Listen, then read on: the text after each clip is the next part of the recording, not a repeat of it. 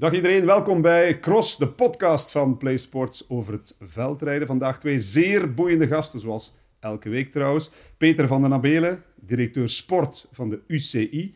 En José de Kouwer, een van de wielerstemmen van Vlaanderen. Goedemiddag, heren. Eh, misschien een woordje introductie, want jullie kennen elkaar. Wie kan uitleggen hoe dat precies zit? Ja, ben je maar, hè. Ja, ik ken Peter van uh, ja, lang, lang geleden, 30 jaar, meer dan 30 jaar geleden. Dus uh, ik ben op een uh, blauwe maandag ooit in contact gekomen met Vincent Watelet, de baas van Espascart, waar Peter toen voor fietste. Die verplichtte mij bijna om ploegleider te worden daar. was eigenlijk meer in het weekend. En zo heb ik Peter leren kennen. We hebben dan een deel een wegprogramma afgewerkt, waar ik hem nog beter leren kennen heb. En ja, zo ben ik eigenlijk het stuk van zijn hele... We hebben samen wel wat meegemaakt, moet ik eerlijk zeggen. En zo heb ik hem eigenlijk zijn hele carrière gevolgd. Dus ik heb hem uh, meegemaakt als veldrijder, maar vooral als mountainbiker ook, naar de Olympische Spelen in Sydney. Uh, we hebben de wereldkampioenschappen in Euren gedaan, waar we ons uiteindelijk plaatsten met drie. Ja. Voor naar de Olympische Spelen te gaan, wat nieuw was. niet alleen nieuw was, maar wat echt een unicum was in België. Drie mountainbikers, met Roel Paulussen, met Philippe Meijragen en Peter van den Abelen. Dus ja, dat was uh, een gouden tijd. Ja, en Peter, er zijn veel mensen die het misschien bijna zouden vergeten, want je, je bent nu volop bij de UCI aan de slag natuurlijk, je hebt daar een hoge functie. Je bent crosser geweest, Belgisch mm -hmm. kampioen in 94, mm -hmm. uh, Belgisch kampioen mountainbike in 97 en twee keer de Olympische Spelen meegemaakt. Dat, dat is iets ja, waar je toch heel fier en trots kan op zijn. Ja, absoluut. En, en trouwens, ik ben uh, eigenlijk ja, in de wielersport verzeild geraakt door het BMX eigenlijk. Dus ik heb ook een BMX-verleden. Ik was eigenlijk wereldkampioen uh, in 82, maar dan ja, op een gegeven moment ga je ook denken van ja, word ik wat ouder. Dat was toen 16 jaar. En dan denk je ook van, kan ik toch niet blijven met zo'n klein fietsje rondrijden? Wat nu dus wel nog altijd gebeurt. Maar inderdaad, ja, uh, trouwens, ja, iets om fier op te zijn natuurlijk. Dus wel heel interessant natuurlijk, als je dus echt op de fiets hebt gezeten. Je hebt ook geproefd van de verschillende disciplines, ook veel meegemaakt in je leven. Uh, en ook veel geleerd van mensen zoals José en, en, en, en anderen natuurlijk. Maar ook ja, die, die kennis heb ik absoluut kunnen gebruiken uh, ja, in mijn tweede carrière, laat maar zeggen, binnen de UCI natuurlijk. Ja, absoluut. Ja. Nog één iets over de eerste carrière. Zat er meer in dan uh, wat ik net heb opgenoemd? Het was misschien heel sumier, maar zat er meer in, denk je? Uh, indien ik José vroeger had leren kennen, zeker en vast wel, ja. Waarom? Ja, ja dat was ook, allee, zoals altijd, uh, iemand die altijd de waarheid zegt. Iemand die, uh, ja, die echt kan motiveren, die je kan ja, naar hogere sferen brengen eigenlijk. dat is absoluut zo. Ook een goede, goede teamspirit kneden en dergelijke. Dus dat zijn toch wel veel zaken die ik ook heb meegenomen nu naar de UCI toe.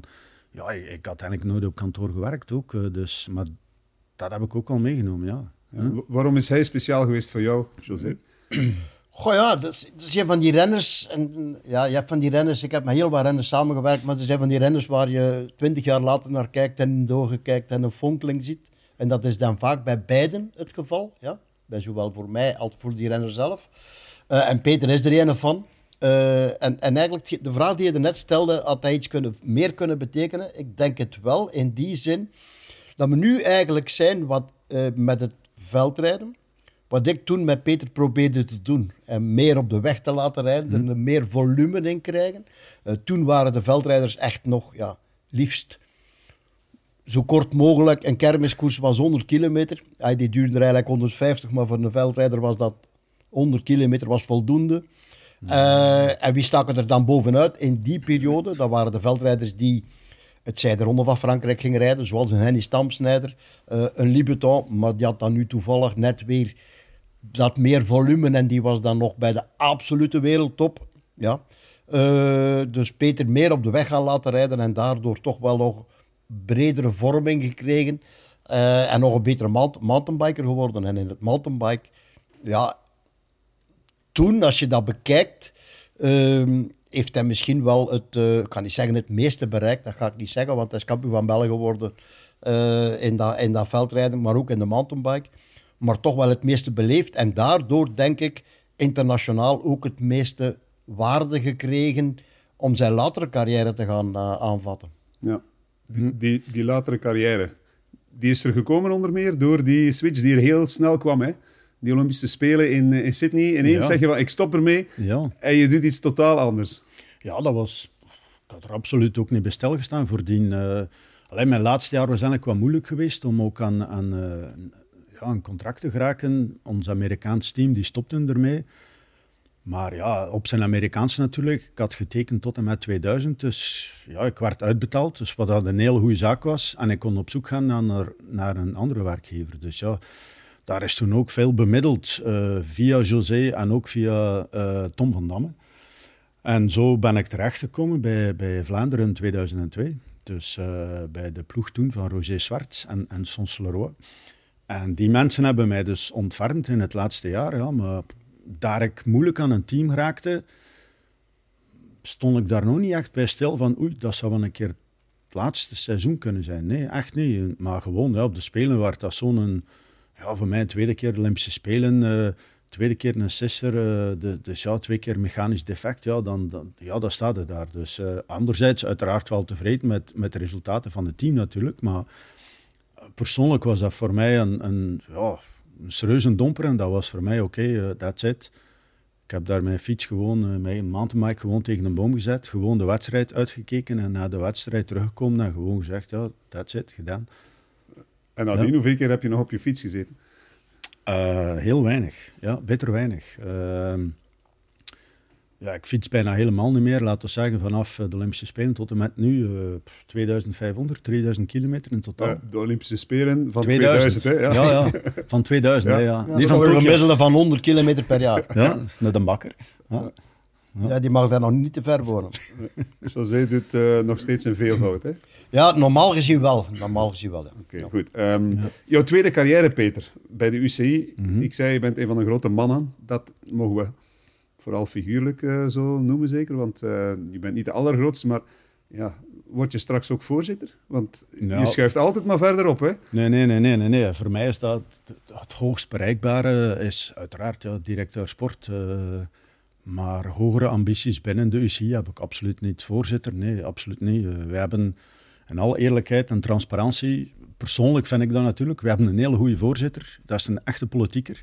David Lapartien. Ja, en die combineert zowel de politiek als ook zijn, zijn kennis met de wielersport. En zo niet hebben wij gewoon open debatten, uh, ja, zoals we hier zitten, van ja, oké, okay, uh, wat gaan we doen met dit of met dat? En daar kunnen wij gewoon een open gesprek over aangaan. En dan, uh, ja, de conclusie daarvan ga ik dan gaan overzetten ja, binnen mijn team. en als er echt moeilijke gevallen zijn, ja, dan durf ik soms wel de telefoon nemen en onze vriend naast mij raadplegen. Ja. Ja. Er zijn veel mensen die dat doen en dat lijkt me goed om nu en dan een ja. klankbord hebben, zeker. Hè? Absoluut, ja. Kan, ja het, is, het is misschien niet evident om het kort te doen, maar kan je de drie, vier, vijf kapstokken van je job nog eens duidelijk omschrijven? Uh, ja, dus ik ben verantwoordelijk uh, voor alle disciplines. Dus uh, vanaf de weg tot en met trials, de kleinste discipline, of indoor cycling die we hebben. Dus dat is één. Ten tweede, uh, dat, wat houdt dat in? Dus uiteraard de reglementering en de kalender van alle, van alle disciplines. Ook de registratie van de teams, dus de World Tour teams of de professionele wegteams, uh, de registratie daarvan. De, dat passeert allemaal binnen mijn team nu. dus kalender, reglementering en daarboven ook commissarissen, de opleiding van de commissarissen, dat ook. wat een heel belangrijk punt is, want ja, continuïteit bij de commissarissen is heel belangrijk. Oké, in het voetbal hebben we een beetje hetzelfde probleem. Hè. Een beslissing vandaag van een arbiter is niet dezelfde beslissing van dezelfde actie zanderdags bijvoorbeeld. Dat is ook iets waar, waar we vanaf willen. We hebben toch wel 162 commissarissen alleen op de weg. Uh, dat is vrij veel om daar dezelfde visie in te, krijgen. Die, die groep willen we eigenlijk gaan verkleinen en die kleinere groep aanduiden enkel en alleen op de top-evenementen. Dus de World Tour evenementen en het WK. Dus dat is ook een belangrijke taak. En dan ook nog, ja, ik doe daarnaast ook nog de verkoop van alle wereldkampioenschappen, ook voor alle disciplines. Dus ook van de weg ja, tot en met urban cycling, tot en met BMX, uh, mountainbike, uh, trials, cyclocross. ja. Hm? We zitten meteen bij de kern van de zaak voor een stuk, hè, José. Want uh, er, er, zijn veel dingen die anders, beter kunnen, moeten. Absoluut, er ja. wordt vaak over gepraat. En dan, dan zitten we ook bij, bij, bij de cross uh, al daar. Hè? Want ehm, ja. een WK toewijzen in Amerika, daar zijn voor- en tegenstanders uh, rond geweest. Um, maar dat gaat over alle beslissingen die worden genomen waarschijnlijk. Hè? Ja. Ik, ik sprak José in Val di Sole en toen zei hij letterlijk, we zouden dus met een wit blad moeten beginnen en zo toewijzing van WK's, maar ook de organisatie van de. Wereldbeker en zo, is opnieuw helemaal organiseren. Ja, het, ging, het gaat dan vooral. Ja, je hebt nogal wat, er zijn nogal wat actoren. Hè. Er zijn nogal wat mensen die met de cross te maken hebben. En ieder vindt op zich uh, dat hij daar hoort te zijn op die dag. En dat dat het belangrijkste voor hem is, wat er is. Hè. Je hebt organisatoren, je hebt landen, je hebt de ploegen, je hebt de renners, je hebt de, ja. Eigen kind, schoonkind. Eigen kind, schoonkind. Je hebt dan uh, twee grote mastodonten, Golazzo en Flanders Classics, die voor een stuk eigenlijk proberen een deel van de koek, waar voorlopig nog niet veel uh, suiker op ligt, denk ik, uh, naar zich toe te trekken. Uh, maar dat allemaal samen zorgt ervoor dat er, ja, ja vind, ik, vind ik dat het, dat het tijd wordt. Dus ik lees dan kranten en daar staat. Laat ons zeggen, de Hoek Colazzo vindt dit en de Hoek Flanders Classic vindt dat. En wie er nu gelijk heeft, op zich maakt het eigenlijk allemaal niet uit. Uh, maar misschien een keer samen, wit blad papier, kijken met een deel van die mensen. Een deel van die mensen daarbij. Televisiezenders daarbij, die rechten en die andere zaken mee. En, en interesses van sponsoring en kijkers uh, mee naar voren kunnen brengen. En dan zeggen, ja, waar moeten we met die cross nu eigenlijk naartoe?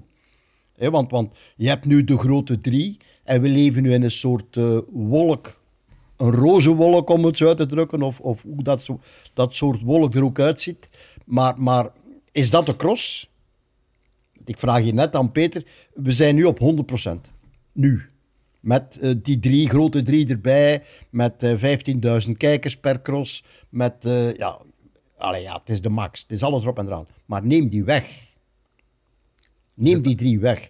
En dan zegt, iedereen, dan zegt iedereen, ja, maar ja, je moet die drie niet wegnemen. Maar die drie, dit is uitzonderlijk. Mm. Dit zijn drie Absoluut. gastjes die op 10, 12 jaar zijn beginnen veldrijden, maar die uitgegroeid zijn tot de, tot de beste wegwielrenners van de wereld. Zelfs mm. van hun periode en misschien wel nog, nog jarenlang, ja. nog tien jaar lang. Die zitten nu ook in de cross. En daar geniet de cross van mee. Mm. Maar wat is, was de, wat is de cross nog waard zonder die drie? En ik denk enorm, daarom dat wit blad papier, ja. daarom dat wit blad papier, uh, hoe ga je in het buitenland, hoe ga je renners motiveren om ze naar de cross te laten gaan? Dat zou door die grote drie misschien wel kunnen, dat we nu nog meer jongeren een opstap gaan zien maken of dat erbij nemen in de winterveldrijden als winterbezigheid, om dan in de zomer ook hoofdactiviteit wegwielrennen. Nu is het vaak nog dat de veldrijders te veel binnen een, een segment blijven, maar die drie hebben nu absoluut bewezen dat het dat het niet zonder de weg kan ook om goed te zijn. Dus en van daaruit dat witblad papier, samen kijken, wat moet die wereldbeker betekenen? Uh, superprestige, andere, andere klasse mensen. Hebben we dat allemaal nodig? Om, hoe gaat het die kalender herschikken? Om, om eindelijk iets rust te vinden in dat kleine wereldje. Ja. Staat er al iets op dat wit blad? Want uh, we zijn nog maar een, een, week of twee weken na Val di Sole. Heb je er al iets opgezet, José? Want we zijn er allemaal over eens, denk ik. Hè? Dat, ja, dat, dat het product beter kan of moet. Dat is ook de vraag van Emilio natuurlijk van, in verband met veldrijden. Ja, waar moeten we naartoe? Uh, ik denk wel dat, persoonlijk natuurlijk, als wij die tender hebben uitgeschreven voor het veldrijden, ja, dan waren er uiteraard veel partijen die interesse hadden daarin, in het, in het uh, veldrijden, absoluut.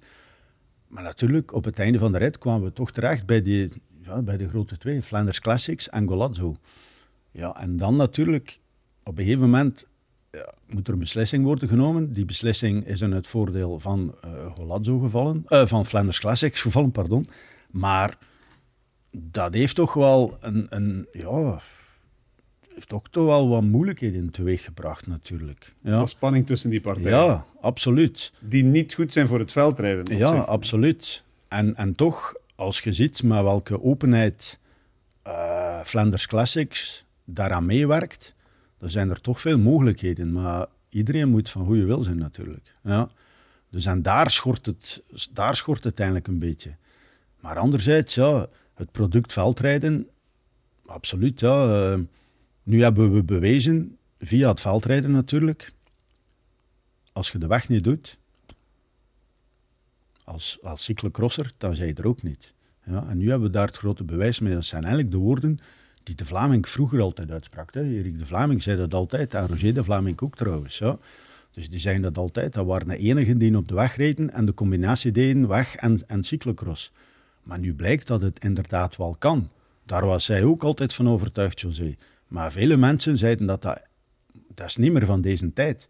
Maar nu met, met die drie jonge mannen krijg je nu wel uh, het, het, bewijs van het tegendeel natuurlijk. Dat is wel van deze tijd. En we zitten er middenin en ze steken er met kop en schouders bovenuit, die drie. Hè. Het, is, het, is, een uitzonderlijke generatie natuurlijk. Absoluut. Maar dit is, dit, deze drie, dat, dit is drie is niet normaal. Ja. Dit is niet normaal. Ook in het wegwielrennen zijn deze drie niet normaal. Ja. Als je bekijkt, Pitcock is Olympisch kampioen, is wereld, wereldkampioen, ja, gaat Alpe d'Huez winnen. Alpe d'Huez. Je hebt ooit al eens een veldrijder geweten die Alpe d'Huez gewonnen heeft? Ik denk het niet. Alleen ik bedoel, dat is toch niet te doen. Easy renners, dat is eigenlijk wel straf. Hè?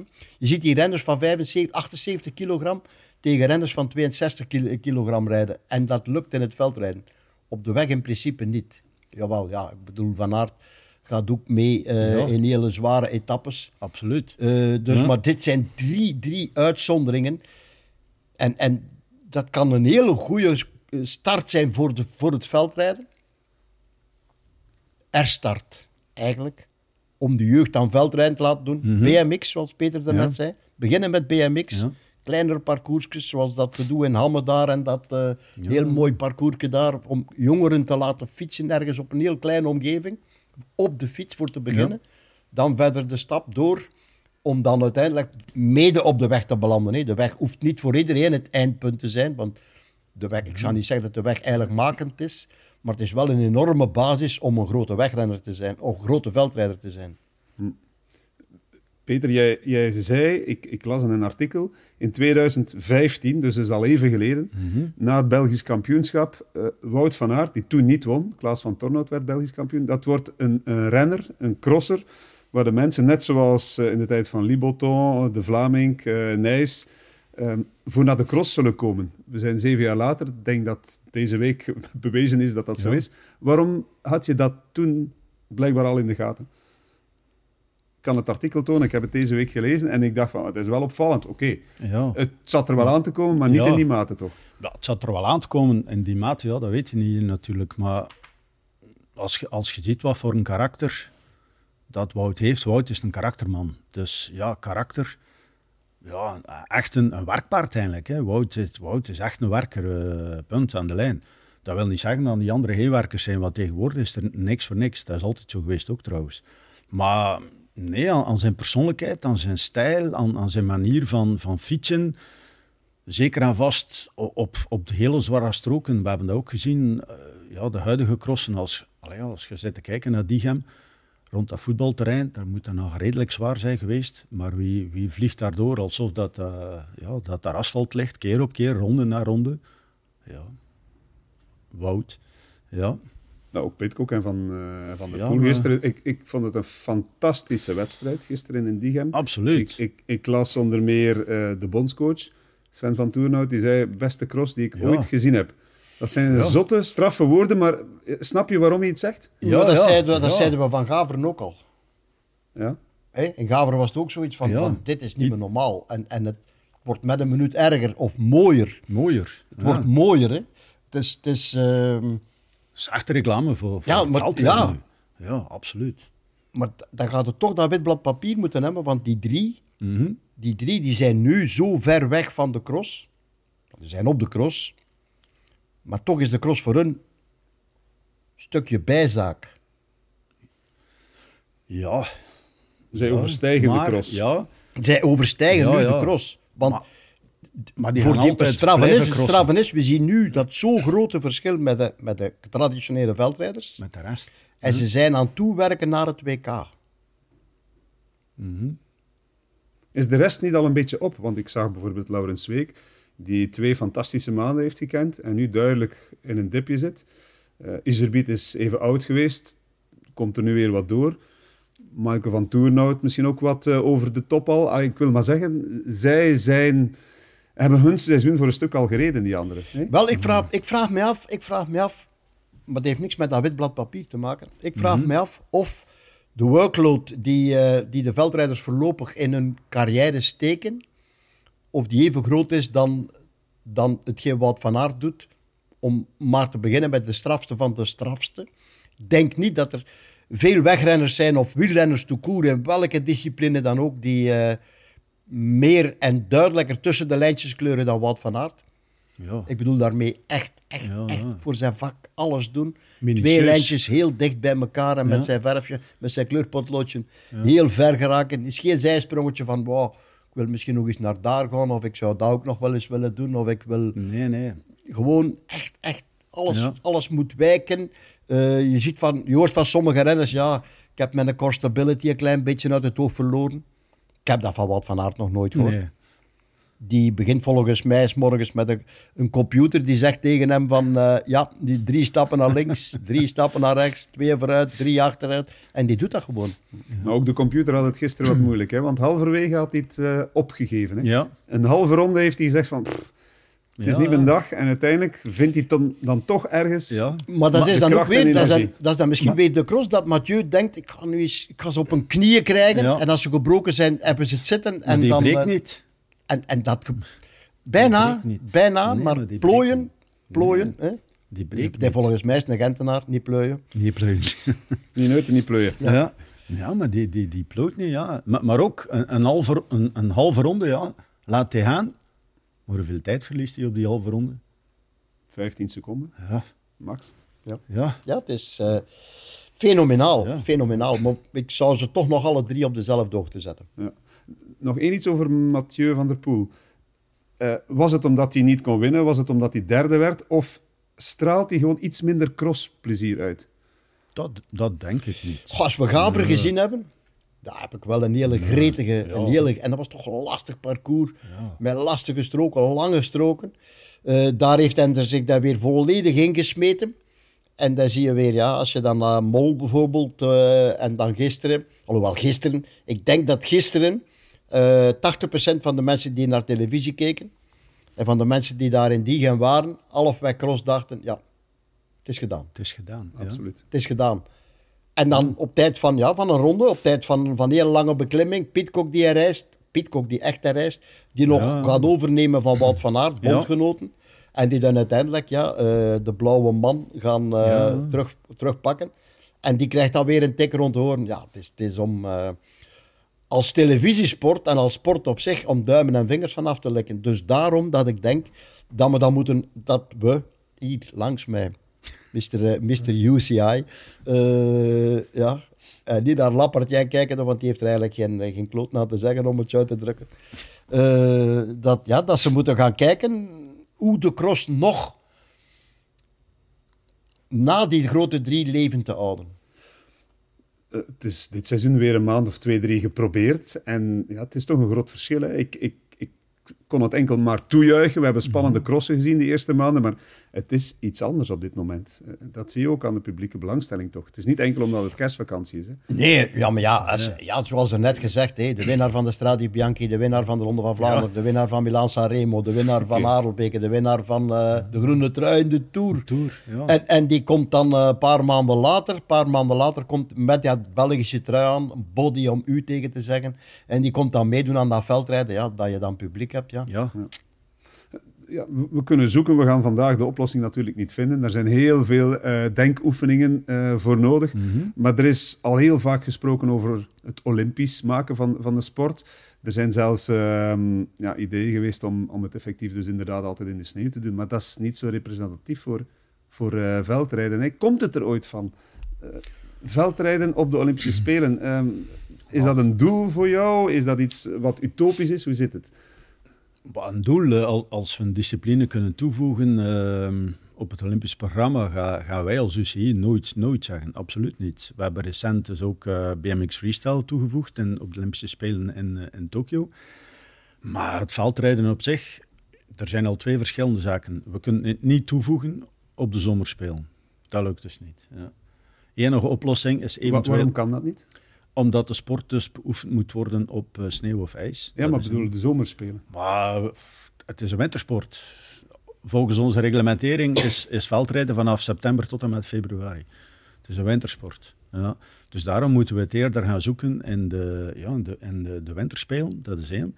Maar dan hebben we natuurlijk die fameuze, ja, het fameuze artikel van het uh, Olympisch Charter, die zegt dat een discipline om te behoren tot de winterspelen altijd moet beoefend worden Wel, op sneeuw of daarom ijs. zou de UCI kunnen zijn charter veranderen en zeggen: het is gewoon een sport, de koer, winter en zomer. Maar als we daar een zomersport van maken, dat we nooit of nooit uh, die grote drie nog gaan zien. Ja, dan zit je met mountainbike dat er Ja, dicht tegenaan dan doe je wel loopt, mee eh, aan de, aan, aan de er komt een nieuwe soort discipline Ja. bij, wat gravel is. Ja. Eh, ik lees vandaag in de voorbije kranten dat eh, beach, beach racing, dat Ja, dat is Lampaard en een deel anderen daar helemaal gek van zijn op dit moment. Klopt allemaal natuurlijk, klopt allemaal. Dus ik denk, ehm, Olympische Spelen, veldrijden, ik zou, dat, ik zou, dat, ik zou daar mijn, mijn pijlen nog niet direct op richten. Ik zou nog- Eerst dat wit blad. ik zal Ja, eerst nog wat. beginnen met andere dingen om te proberen internationaal. En hetgeen nu gebeurt met die drie, dat is zo belangrijk, zo belangrijk om de toekomst. Jonge gastjes die inzien, die een droom hebben om de Ronde van Frankrijk te rijden, om klassiekers te rijden, die zeggen, ah, misschien, misschien, wij in Vlaanderen gebruiken, wij Vlaanderen zeggen, kijk eens, die drie crossers doen het goed op de weg. Maar dat is niet waar, hè. Dat zijn geen crossers, hè. Nee. Dat zijn wegrenners. Ja. Die het goed doen in het veld. Ja. Maar dat zouden we kunnen gebruiken om de jeugd, die nu ook alleen maar kortzichtig naar veldrijden kijkt, dus dat vooral in Vlaanderen, kortzichtig naar veldrijden kijkt, om die ook eh, verder te laten kijken. En te beseffen, als ik op de weg goed ben, met dat, dan kan ik in dat veldrijden zeker ook iets, zeker ook iets bereiken. En dan denk ik dat we continuïteit krijgen, zo'n deel, eh, dat we veldritten gaan krijgen, mochten we het zover kunnen krijgen, dat zou een droom zijn. Eh, dat de, dat de, de goede Fransman, de goede Franse renner is opgeleid als veldrijder een stukje, wat we, wat we vroeger hadden met een paar goede Fransen. Alle Philippe komt ook uit de Ja, hè. Dat we die op een of andere manier, en dat we die erbij krijgen. We hebben Pitcock voor, eh, voor Engeland en, en Ierland, eh, een paar Spanjaarden er nog bij. Ja, en dan ben je echt vertrokken. Dan heb je veldrijden met veldrijders en breedte. Een breedte van, van wegwielrenners die, in, die in, de, in de winter ook dat veldrijden erbij nemen om, ja, om extra trainingen te doen. En, en blijkt nu dat die interval en die korte, nijdige inspanningen, dat dat wel loont op de weg. Absoluut, Absoluut. absoluut, absoluut. Er kan niemand, eh, geen enkele trainer tegen zijn. Dus de combinatie moet proberen, en dan moeten we proberen internationaal, denk ik, aanreiken naar, ja, naar degene die... Ja. eh, Daarom komen we bijvoorbeeld in Ierland en komen we Ja. in ehm Val di Sole, komen in Amerika, ja. dat soort dingen. dan gaan we naar Benidorm. Benidorm. Benidorm, ja. Ja. Maar van die mensen die daar in Benidorm zitten, daar gaat niet meer van komen. Ze. Nee, nee, nee, nee. nee. Die moeten alleen komen kijken. hè. Die, die, die, Maar- maar ik- ik die moeten nog als supporter voor de kleinkinderen. In, in Dublin, wat op zich een, een fantastische plek is om, om een eh, internationale wedstrijd te organiseren, daar stonden, wat was het, 30 of 40 renners aan de start. ja. Dat is, dat is spijtig, want dat, dat zorgt er niet voor dat het ehm, geloofwaardiger wordt, denk ik dan. Ja, dat is ook de moeilijkheid natuurlijk. Hè. Dan, Hoe los je dat op?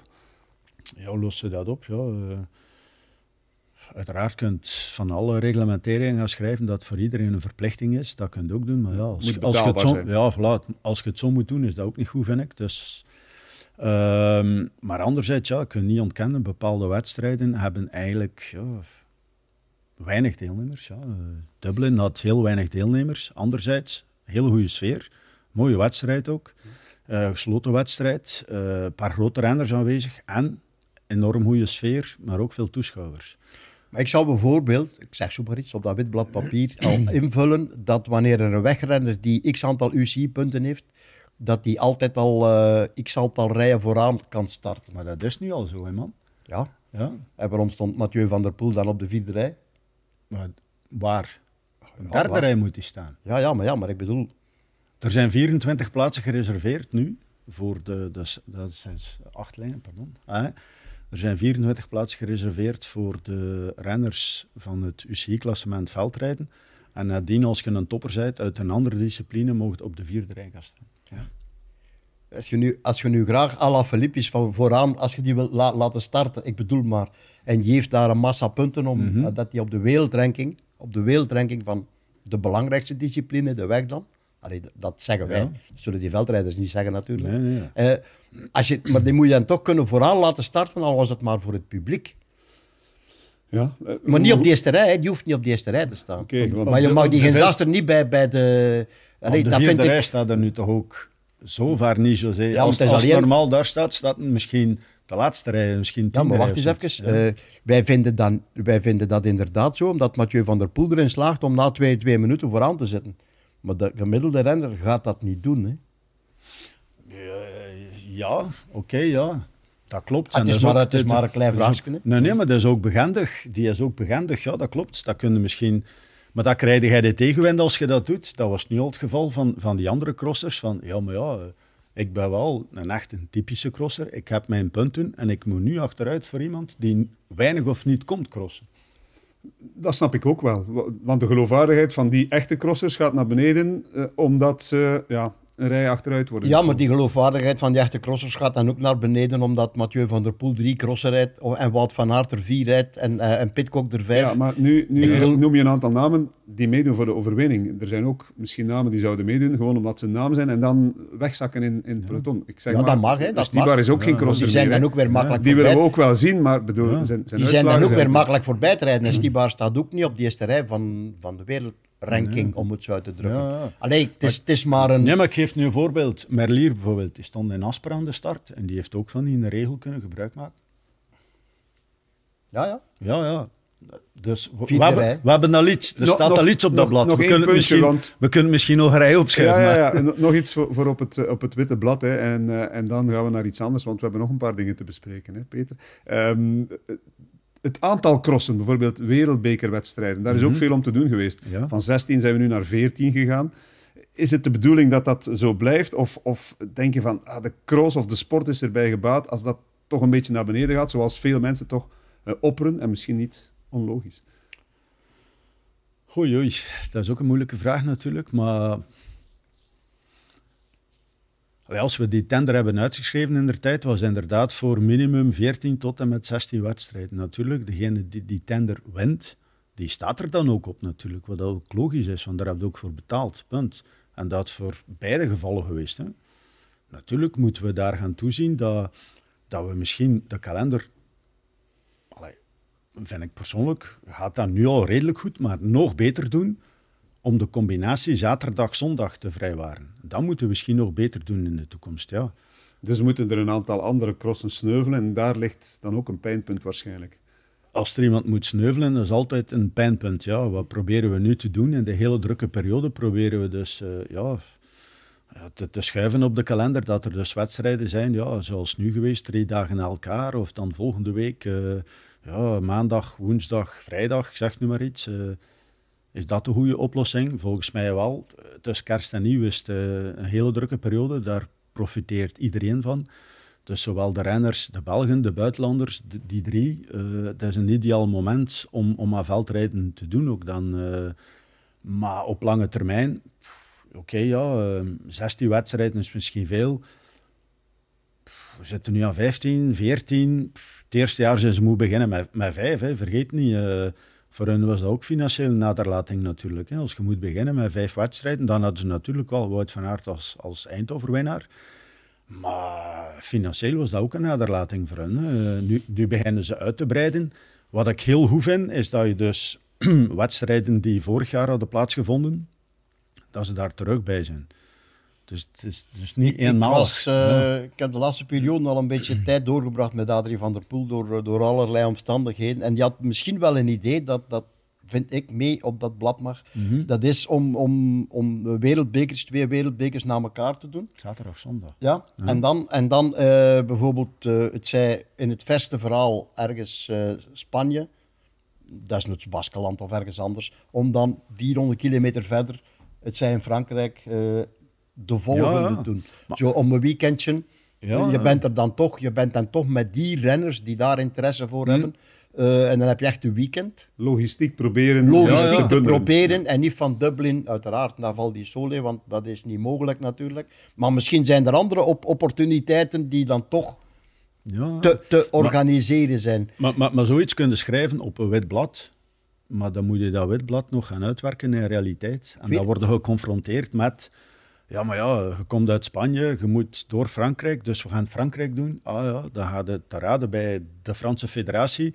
Die hebben dan en uiteraard ook wel een kandidaat, maar die zit dan niet in het midden, maar dan in het noorden van Ja, Frankrijk. maar zoals dat vroeger was, het is Ja. toevallig geen kermis bij ons, dus van Ja. nu mag er geen koers, je moet wachten tot de kermis er is en Maar- dan is het koers. Maar dat gaat er nu ook meer en meer uit. ja, dat is de die trend. Ja, dat tuurlijk. ja. Ja, maar dat gaat er nu gelukkig ook meer en meer uit. Gelukkig. Ja. Hoe, hoe zit het met de tv-rechten? Want eh, dat is ook een, een punt natuurlijk. Hè? De, de, als je de vergelijking maakt met voetbal, is het eh, veldrijden, het wielrennen in het algemeen van een andere orde. Mhm. Is dat de ambitie om daar ook een model van te maken dat dat eh, zo wordt ja, gereguleerd? Absoluut, ja. D- Er zijn, allee, om bij het veldrijden te blijven eerst al, dus het voordeel voor ons in het veldrijden is dus dat de wereldbeker, dat heeft ons label, UCI World Cup, daar hebben wij alle rechten voor. Dus, en wij sloten vroeger contracten af met, met organisatoren en toen zeiden wij, oké, wij hebben sponsors, wij nemen daar 50% van de visi- visibiliteit voor in en wij geven aan de organisatie het recht om voor 50% andere visibiliteit te plaatsen. Televisierechten waren volledig van ons. Wij verzorgden ook televisieproductie en dergelijke. Dus die waren volledig voor ons. Er was- altijd een win-situatie voor alle twee. Nu natuurlijk, er is nog een win-situatie, door het feit van die tender en Flanders Classics. Zij hebben nu alle rechten voorover. Dus wij hebben, wij hebben die rechten ook afgegeven van televisie. En dat is het grote voorde- eh, voordeel. Waarom?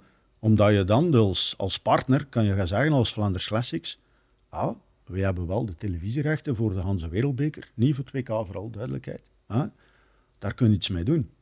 Op de weg, bijvoorbeeld, hebben wij de World Tour. En dat noemt UCA World Tour. Maar wij hebben de rechten niet. De rechten liggen bij de organisator. En dat ligt van in het begin zo. En dat is heel moeilijk. Als je dan zegt, ja, wij willen televisierechten gaan koppelen, bijvoorbeeld op de weg, ja, daar heb je wel een probleem natuurlijk. Want dan moet je te raden gaan, ook uiteraard bij, we zijn nu in Vlaanderen, bij Flanders Classics, maar ook bij de ASO's, bij RCS, eh, bij de Vuelta. En dan Ja, we wordt het moeilijk. we en zijn dan wordt het moeilijk. Ja, we zijn nog heel ver, nog Ja. heel ver weg van eh, televisierechten en betaaltelevisie. Ja.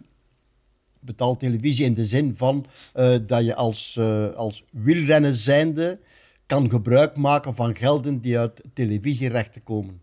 En, en zolang dat niet gebeurt, is het, is het, eh, het businessmodel van wielrennen een probleem natuurlijk. Hè? Want nu zit je met sponsors. Hè? Je moet sponsors hebben, je moet Soudal hebben, je moet Lotto hebben, Ja. je moet Quickstep hebben, je moet eh, Safety Jogger hebben, je moet van alles en nog wat hebben om, om die koers te laten doorgaan. En de acteurs worden er eigenlijk niet beter van. In voetbal, ja, daar staat ja, totaal iets te- te- tegenovergesteld. En men is daar al, al twintig jaar aan proberen om die macht te krijgen. eh, maar door het feit dat er een ASO is en door het feit dat, ja, dat daar ook weer tegenstrijdige belangen zijn, blijft dat weg. Mocht er nu morgen één iemand de wielrennerij kunnen kopen, om het zo uit te drukken, en zeggen van kijk, we gaan die vermarkten, ja, dan was dat geen enkel probleem. Hè? Want nu heeft ASO, denk ik wel, dat die redelijk goed geld verdienen aan de Ronde van Frankrijk. Dat is bewezen. Met de Ronde van Frankrijk. Met ja. de Ronde van Frankrijk, met de rest nog niet. Ja. Ja? En de Olympische Spelen, rechten worden toch ook wel verkocht. Ja, bedoel, hè? absoluut. Ja. Ik bedoel, er, er moet toch wel een mogelijkheid zijn, maar door, door altijd maar dat gevecht Maar- ja, ja, en tuurlijk. dat mijn plaatsje en mijn datum en mijn maar- dit, blijven we voorlopig ja, eigenlijk ver weg van, van, van, van, van gelden die eigenlijk toch zouden moeten kunnen gevonden worden. Want, want de- ik denk de wielrennerij, veldrijden bij uitstek, is wel een kijksport. Als je ziet hoeveel, hoeveel, hoeveel, ja, hoeveel mensen er kijken naar een ronde van Frankrijk of naar een ronde van Italië Mhm. of naar een wereldkampioenschap. Ja, dat is toch meer dan voldoende om daarvan iets te kunnen... ja, ja, krijgen. Absoluut. En, Ja. en dan, eh, dan hebben wij als, als tv-zenders bijvoorbeeld het gevoel van, eh, zeker het veldrijden is de, is de mooiste tv-sport of een van de mooiste die er bestaat. Het is al vaak gezegd, op een uur tijd het topspektakel. Gisteren het beste Ja. voorbeeld in, in, in Diegem. Waarom slaat dat in het buitenland niet aan? Want die tv-zenders zijn toch ook op zoek naar een product dat, dat geweldig is? Ja, maar dan moeten een paar plaatselijke, een paar plaatselijke renners hebben. Ja, ja als maar als ze dit zien, ze kennen ook van Aard van der Poel, Pitcock. Ja, als dat, in Frankrijk of Italië op televisie komt. Je moet toch ergens beginnen. Hè? Er zijn in Spanje en in Baskeland zijn ook van die, van die sporten. Eh, met zo'n half schep net zo, waar ze een bal weggooien. ik weet niet hoe het noemt. Maar ik bedoel maar, die daar absoluut top zijn. Wij kijken ook niet naar cricket. Uh, terwijl in Australië mensen daar uh, vijf dagen voor wakker blijven om het zo uit te drukken. Uh, Goed, we kunnen het blad een beetje vullen, maar dat is een, een, blad waar je heel veel opschrijft en op een bepaald moment ga je weer een nieuw blad nemen. Ah, je gaat toch mee, blad voorlopig moet het ja. te raden gaan bij Flanders Classics, bij Golazzo, bij de UCI. Bij Als die, twee al eens goed zouden kunnen samenwerken, alles zou er al beter uitzien, zeker. Ja, ja het zou makkelijker zijn, ja. Dat, dat, is een feit. Maar anderzijds, allee, ik kan wel een tip van de sluier oplichten oh. hier. Oh. Oh, ja. Wij hebben uh, afgelopen, dit jaar, heel veel gesprekken gedaan uh, voor het wegwielrennen te hervormen. Dus dat is een initiatief geweest tussen UCI en, en de teams. Uh, geleid door Richard Plugge en, en Patrick Lefevre. dus uh, daar is dat oorspronkelijk begonnen. Hebben we heel veel meetings gedaan over, ja, over televisierechten, over uh, ja, hoe kunnen we ons product beter maken. Uh, de kalender herschikken, daar, is, daar zijn we ook over bezig geweest. Dus dat was allemaal van een, van een wit blad uh, in het professionele wegwielrennen. Ja. Dus daar hebben we heel veel, ja, heel veel meetings over gedaan. heel goed met alle actoren van, van, van, van de wielersport in. Dus zowel de organisatoren, zowel de teams zowel de renner, CPA was daarbij bij betrokken. Dus dat was eigenlijk wel heel, heel positief. En daar hebben we ook een, een eerste conclusie van gedaan, die we dus ook op het recente World Tour Seminarie hebben bekendgemaakt. Dus we gaan een samenwerking aangaan met de verschillende actoren en we gaan dus beginnen met iets. En waar gaan we mee beginnen? Dat is ten eerste al, ja, vanaf 26 gaan we dus de kalender volledig hervormen. Dat is één. De kalender zal volledig hervormd worden. Dus we gaan geen overlap meer toestaan op de kalender bij de mannen. Ja, dat is al niet evident om dat te doen. Dus er zullen uiteraard ook wel wat minder wedstrijden zijn, maar uh, dat gaan we dus al doen. Maar we gaan volgend jaar al starten met veiligheid. Dus we gaan samen, de, de, groepering noemt eigenlijk One Cycling, zo noemt het eigenlijk. En via One Cycling gaan we dus samen werken aan veiligheid. Dus daar gaan we, dat is dus de, begin, eh, de beginfase, veiligheid. Omdat iedereen hem er zich eens van bewust. Dat is niet iets dat enkel een organisator kan doen. Wij niet als UCI, de ploegen niet alleen, maar de zijn er op het einde van de rekening wel de dupe van als er iets verkeerd gaat. Ja. Dus en daar is de eerste stap die zal, die zal worden genomen. Uh, dus, en die aankondigingen, ja, dat is al bekendgemaakt in, in Petit Comité, maar nu, via de media gaan we daar nu verder op ingaan.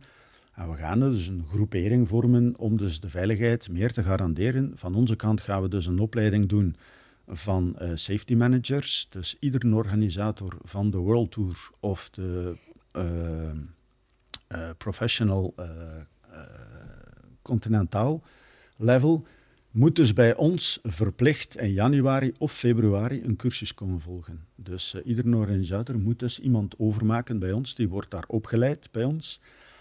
Dat gaat dus drie dagen in beslag nemen, dus uh, een verplichting. En daarna gaan die dus terug naar hun wedstrijd en zij zijn de spreekbuis voor naar de renners toe, van vanuit de organisatie en naar ons toe. Dus uh, dat is ook een vraag die er is gekomen van de teams. Wij zijn daarop ingegaan ook, omdat we het ook samen willen beter doen. Want het is ook super moeilijk natuurlijk. Uh, als je nu met de fiets door een dorpskern rijdt, zie je bordjes staan, ja, 30 per uur, je ziet je daar een vluchtheuvel, je ziet je dit. En dan moet je daar een, paar, een peloton renners doorsturen die daarover komen tegen 50 per uur. Hm. Ja, dat is een probleem aan het worden. Hè? moeilijke denkoefening om inderdaad het, uh, het, het wegwielrennen veilig te, te, houden en, en veiliger eh, te maken. Elk initiatief is, is meer dan welkom, denk ik. En zie ik ook uh, José denken. Ehm, we zitten bijna aan drie kwartier. En ik wou eigenlijk Ja. de eerste vijf minuten van het gesprek al over het nieuws van de dag beginnen. Dus eh, we moeten er echt eh, werk van maken. Hij fietst daarvan Peter. weg, hè. Hij ja, fietst ja, ja, hij weg. fietst er van weg. Nee. Wel met goede Ik dingen. fiets niet hè. meer. Nee, nee, nee ehm, het was heel toevallig, want we hadden de afspraak voor, eh, voor vandaag, het is Mhm. donderdag, eh, al een tijdje eh, vastgelegd. En dan komt vandaag die persconferentie van Toon Aarts, Mhm. waarin hij eh, zegt dat de, de UCI een voorstel van twee jaar schorsing heeft Mhm. gedaan. Eh, en dan zie je die, eh, die renner in kwestie, Toon Aarts, die, die persconferentie ehm, voor een stuk leiden. ook breken en kraken. En dan denkt iedereen, dan denken wij van, wat gebeurt daar allemaal? Wat, wat denk jij dan als ehm, directeur sport van de UCI? Wel, eerst en vooral ehm, over de beslissing weet ik zelf ook niet, punt. Dus eh, dat is bij ons volledig hermetisch eh, afgesloten. Ik ben verantwoordelijk voor sport, maar daarnaast eh, op gebied van antidoping zijn wij absoluut niet, niet betrokken. Dat is één.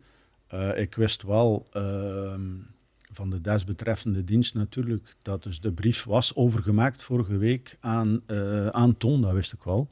Maar wat daar effectief in stond, wist ik ook niet. Dus eh, anderzijds, als je ziet, ja, eh, de minimumschorsing is onmiddellijk vier jaar. Dus ik krijg nu eh, twee jaar opgelegd. Eh, natuurlijk, dat product is bij hem vastgesteld. Het is nu aan hem om te bewijzen dat het inderdaad extern is gebeurd. En daar ligt het ganse geval natuurlijk. Als zijn bewijzen voldoende zijn, zullen die uiteraard aanvaard worden. Maar om dat te bewijzen, dat is absoluut, maar absoluut niet evident natuurlijk. Ja. En tegenwoordig zijn de technieken zo goed, zo performant, dat je dus echt wel ja, op, op, ja, op grote massa's, op, op 1000 liter urine bijvoorbeeld, kun je een besmet product gaan vinden van de grootte van een luciferkop. Dus dan, als dat dan echt van externe factoren komt, ja, dan, dan kun je daar absoluut mee meeleven eh, met de renner in kwestie. Natuurlijk, voor, voor ja, het is, wel, het is wel gevonden, dat product natuurlijk. Dat zijn de feiten. En nu zal het natuurlijk nog aan hun zijn ja, om verdere bewijzen eh, aan te leveren of in beroep te gaan en, en met, verdere bewijslasten of, of ja, verder te gaan. Dat zou ik ook doen. Maar ja, absoluut. Ja. Er zijn bewijzen geweest uit het verleden ook. Hè. Eh, Met Denise Betsema, daar is het dan wel effectief kunnen bewezen worden. Dus die heeft dan ook strafvermindering gekregen. Die is dus effectief terug kunnen beginnen fietsen. Hè. Eh, om, om maar dit geval te noemen. eh, er zijn nog andere gevallen geweest ook. Hè. Maar als je dat als sporter meemaakt, moet dat uiteraard wel, ja, ja, uiteraard wel hard zijn natuurlijk. Ja. Maar het product is gevonden. Het is nu aan hem om te bewijzen dat het effectief van externe gegevens komt. Ja. Hoe, moeilijk, hoe moeilijk het ook is. Ja. Ja. En vooral, ja, wetenschappelijk eh, ben ik in ieder geval zeker niet genoeg onderbouwd om daar iets zinnigs over te zeggen. Ehm, het is gewoon een menselijke reactie. Hè. Je ziet die jongen eh, iets meemaken dat hij niet wil meemaken. En Ja. je denkt van, hoe, hoe kan het zo ver komen dat, dat je ja, iemands carrière voor een stuk kapot maakt? Ja, maar je kan dat op, op tijd van eh, twee minuten kan je de slinger van de ene kant naar de andere kant brengen. Hè? Je, je gaat u verplaatsen in de persoon van, eh van Aarts in dit verhaal. Je ziet die jongen meeleven, je ziet die doen en dan zeg je, ja, nou nee hoor, nee. Nee, nee, helemaal niet. Nee, die is niet schuldig. En dan kom je bij de kant van de onderzoeker, het labo terecht, en die zeggen, ja kijk, die zo. Ja. We hebben het gevonden. en jij nu? Ja, en dat is nu het verhaal. Dus eh, hij krijgt nu een schorsing van twee jaar opgelegd, voorlopig. Maar er is nog Er is een voorstel gedaan. er is een voorstel. Dus ik, ik was zo aan het denken toen ik naar hier kwam met een auto. En ik heb hier op drie verschillende plaatsen gestaan, ergens. Ah. en eh, ik heb wat tijd gehad. En ik dacht, ja, ik, ik volgens mij gaan ze dat terugbrengen naar 18 maand. En dan kan die volgend jaar eh, voor het seizoen Ja, want die zes maanden zijn, maken een wereld van verschil natuurlijk. ja, Hè? ah ja dat, is, dat is een gros jaar of niet. Hè? Ja. Ja. Dus ik zou, mocht ik van de UCI zijn, en we kunnen niet nu straks al een klein beetje hè, die richting een beetje zalven en wrijven bij Peter, alhoewel hij er niks aan kan doen. Uiteraard niet. Dan zou ik denken, ja oké, doe er nog een beetje af, 18 maanden en dan... Dan is het niet bewezen, niet het een, niet het andere. Maar dan is er volgens mij een beetje logica in de maatschappij. En dan, en dan kan Toonaard volgend jaar uh, bij de aanzet van het crossseizoen terug beginnen. En dat gun ik hem wel, want ik uh, ben geneigd om hem te geloven. Maar langs de andere kant ja, kan ik mij perfect voorstellen dat ja, het is gevonden. Is daar was... een gradatie in? Want uh, dat, dat vraag ik me af. als dat veel of weinig wordt gevonden in je, in je lichaam, maakt dat een verschil voor de strafmaat? Ik zou het echt absoluut niet weten. Uh, ik, ik, weet het niet. Ik, ik ben daar absoluut niet. Ay, simpel gezegd, als je er een nee. klein beetje over zit, nee, lijkt me dat minder erg dan. Ja, maar ik denk, ik denk dat het nu zo ver gekomen is. Ik denk dat nu, ja, zo, ik denk dat nu zo ver gekomen is dat het geen kwestie meer is van de hoeveelheid. Het is gevonden. Ja. Men kan nu zo ver teruggaan in de tijd, alleen niet in de tijd, maar in, in, in product aantreffen. De, de, de, de, de, klein, de hoeveelheid, hoe klein ze ook is, is eigenlijk al voldoende. Voilà, het is hier. Terwijl vroeger eigenlijk meer was, er moet een bepaalde drempel overschreden zijn, eer men echt zei van ja, dat is gevonden. Uh, ja, hm. ik weet niet hoe ver men nu gaat. Men gaat blijkbaar heel ver. En, en ik ben de laatste om te zeggen, het moet of het moet niet. Ik, uh, ik, ik heb hem zien zitten en ik heb uh, voor mezelf wel zo een, een gevoel zo van medelijden. Echt medelijden. Ehm, ik had het gevoel, en, en dat is misschien naïef, van, dit kan je niet spelen toch? Zoals hij daar zijn verhaal deed vandaag. Dit is echt toch? Ja, maar... En dan, en dan denk ik aan het ruimere plaatje, want dan spreek je eens uh, iemand uit de entourage, familie, dit, dat. Als je dat meemaakt, is dat toch verschrikkelijk. Dat je daar uh, een jaar, twee jaar in die rollercoaster zit. Want je, een carrière van iemand is, wordt gefnuikt, wordt... Uh, ik weet het, maar, maar ik, we gaan terug naar de andere kant. Jij, jij bent onderzoeker, het is je vak. absoluut, absoluut. Ja. En, en, en dan, dan vind je iets. En wat moet je dan zeggen? Het is, het is uh, die, of het is die, of het is die. Het is, het is gewoon uh, een hele, hele, hele rot situatie die eigenlijk...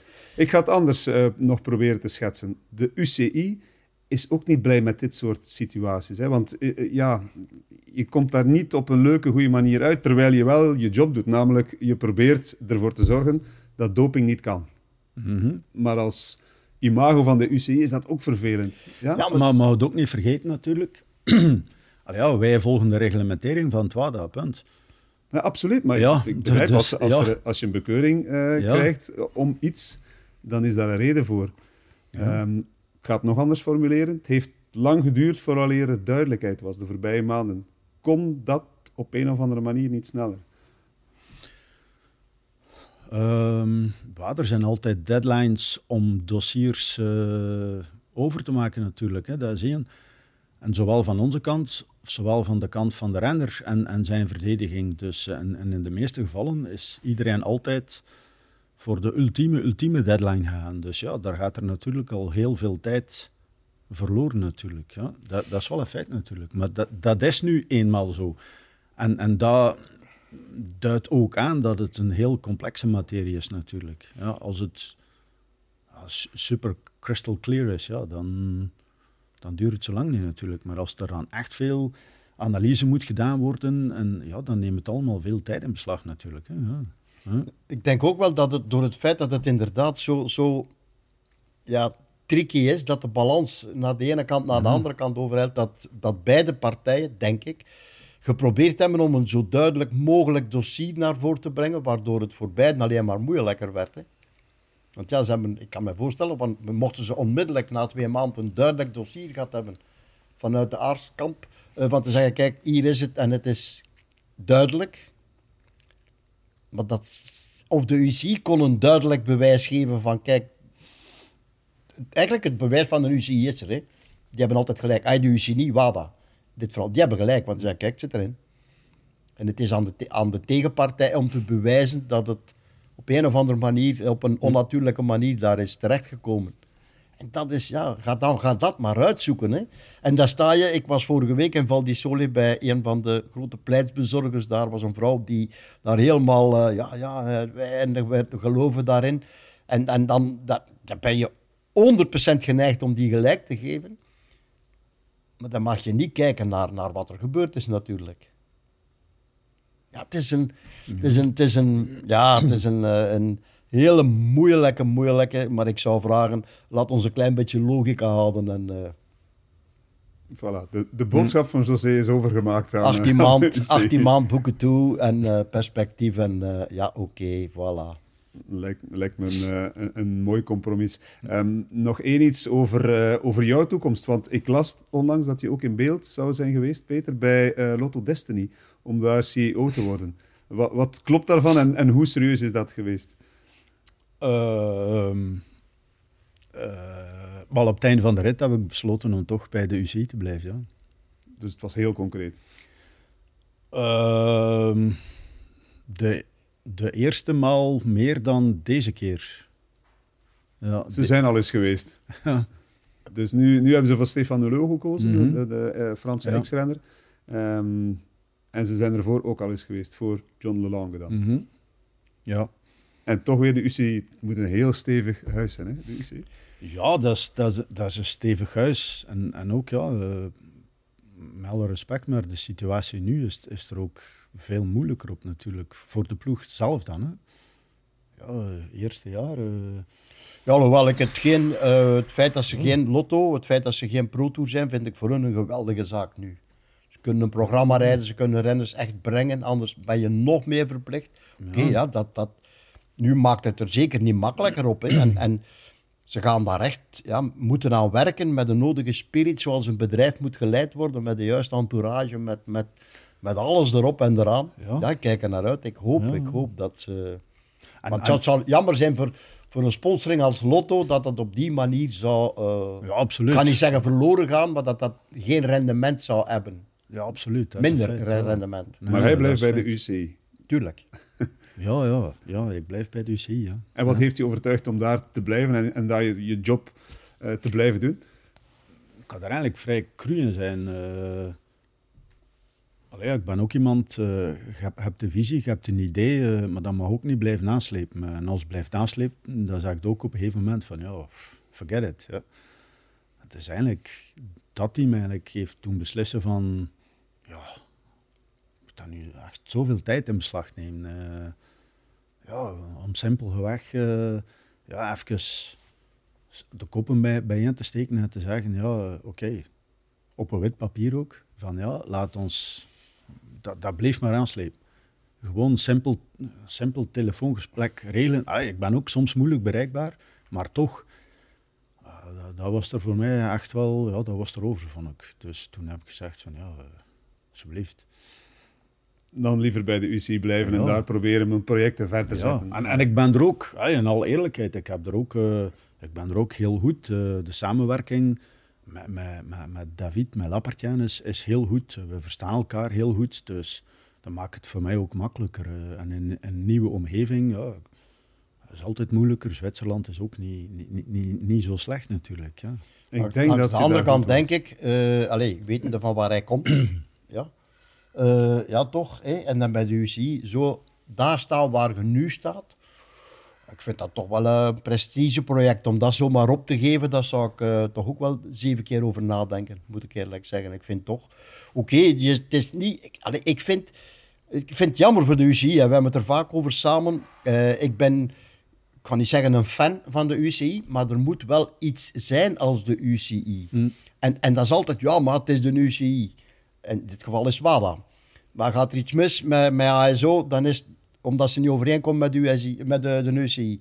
Is er iets mis met de Ronde van Italië, dan is het omdat ze niet overeenkomt met de UCI. Maar er moet altijd wel een overkoepelende organisatie zijn.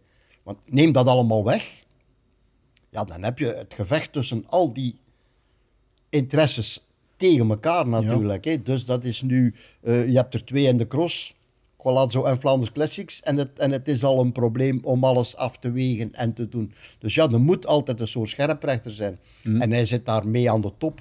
Niet direct de meest leuke eh, plaats, maar je zit daar wel overal bij waar het speciaal is. zijn. En wij waren vooral heel blij dat die man hier bij ons in de zetel zat. Eh, Peter van den Abelen, fijn om eh, jou hier op bezoek te hebben. Tof dat je langsgekomen bent. José, hetzelfde.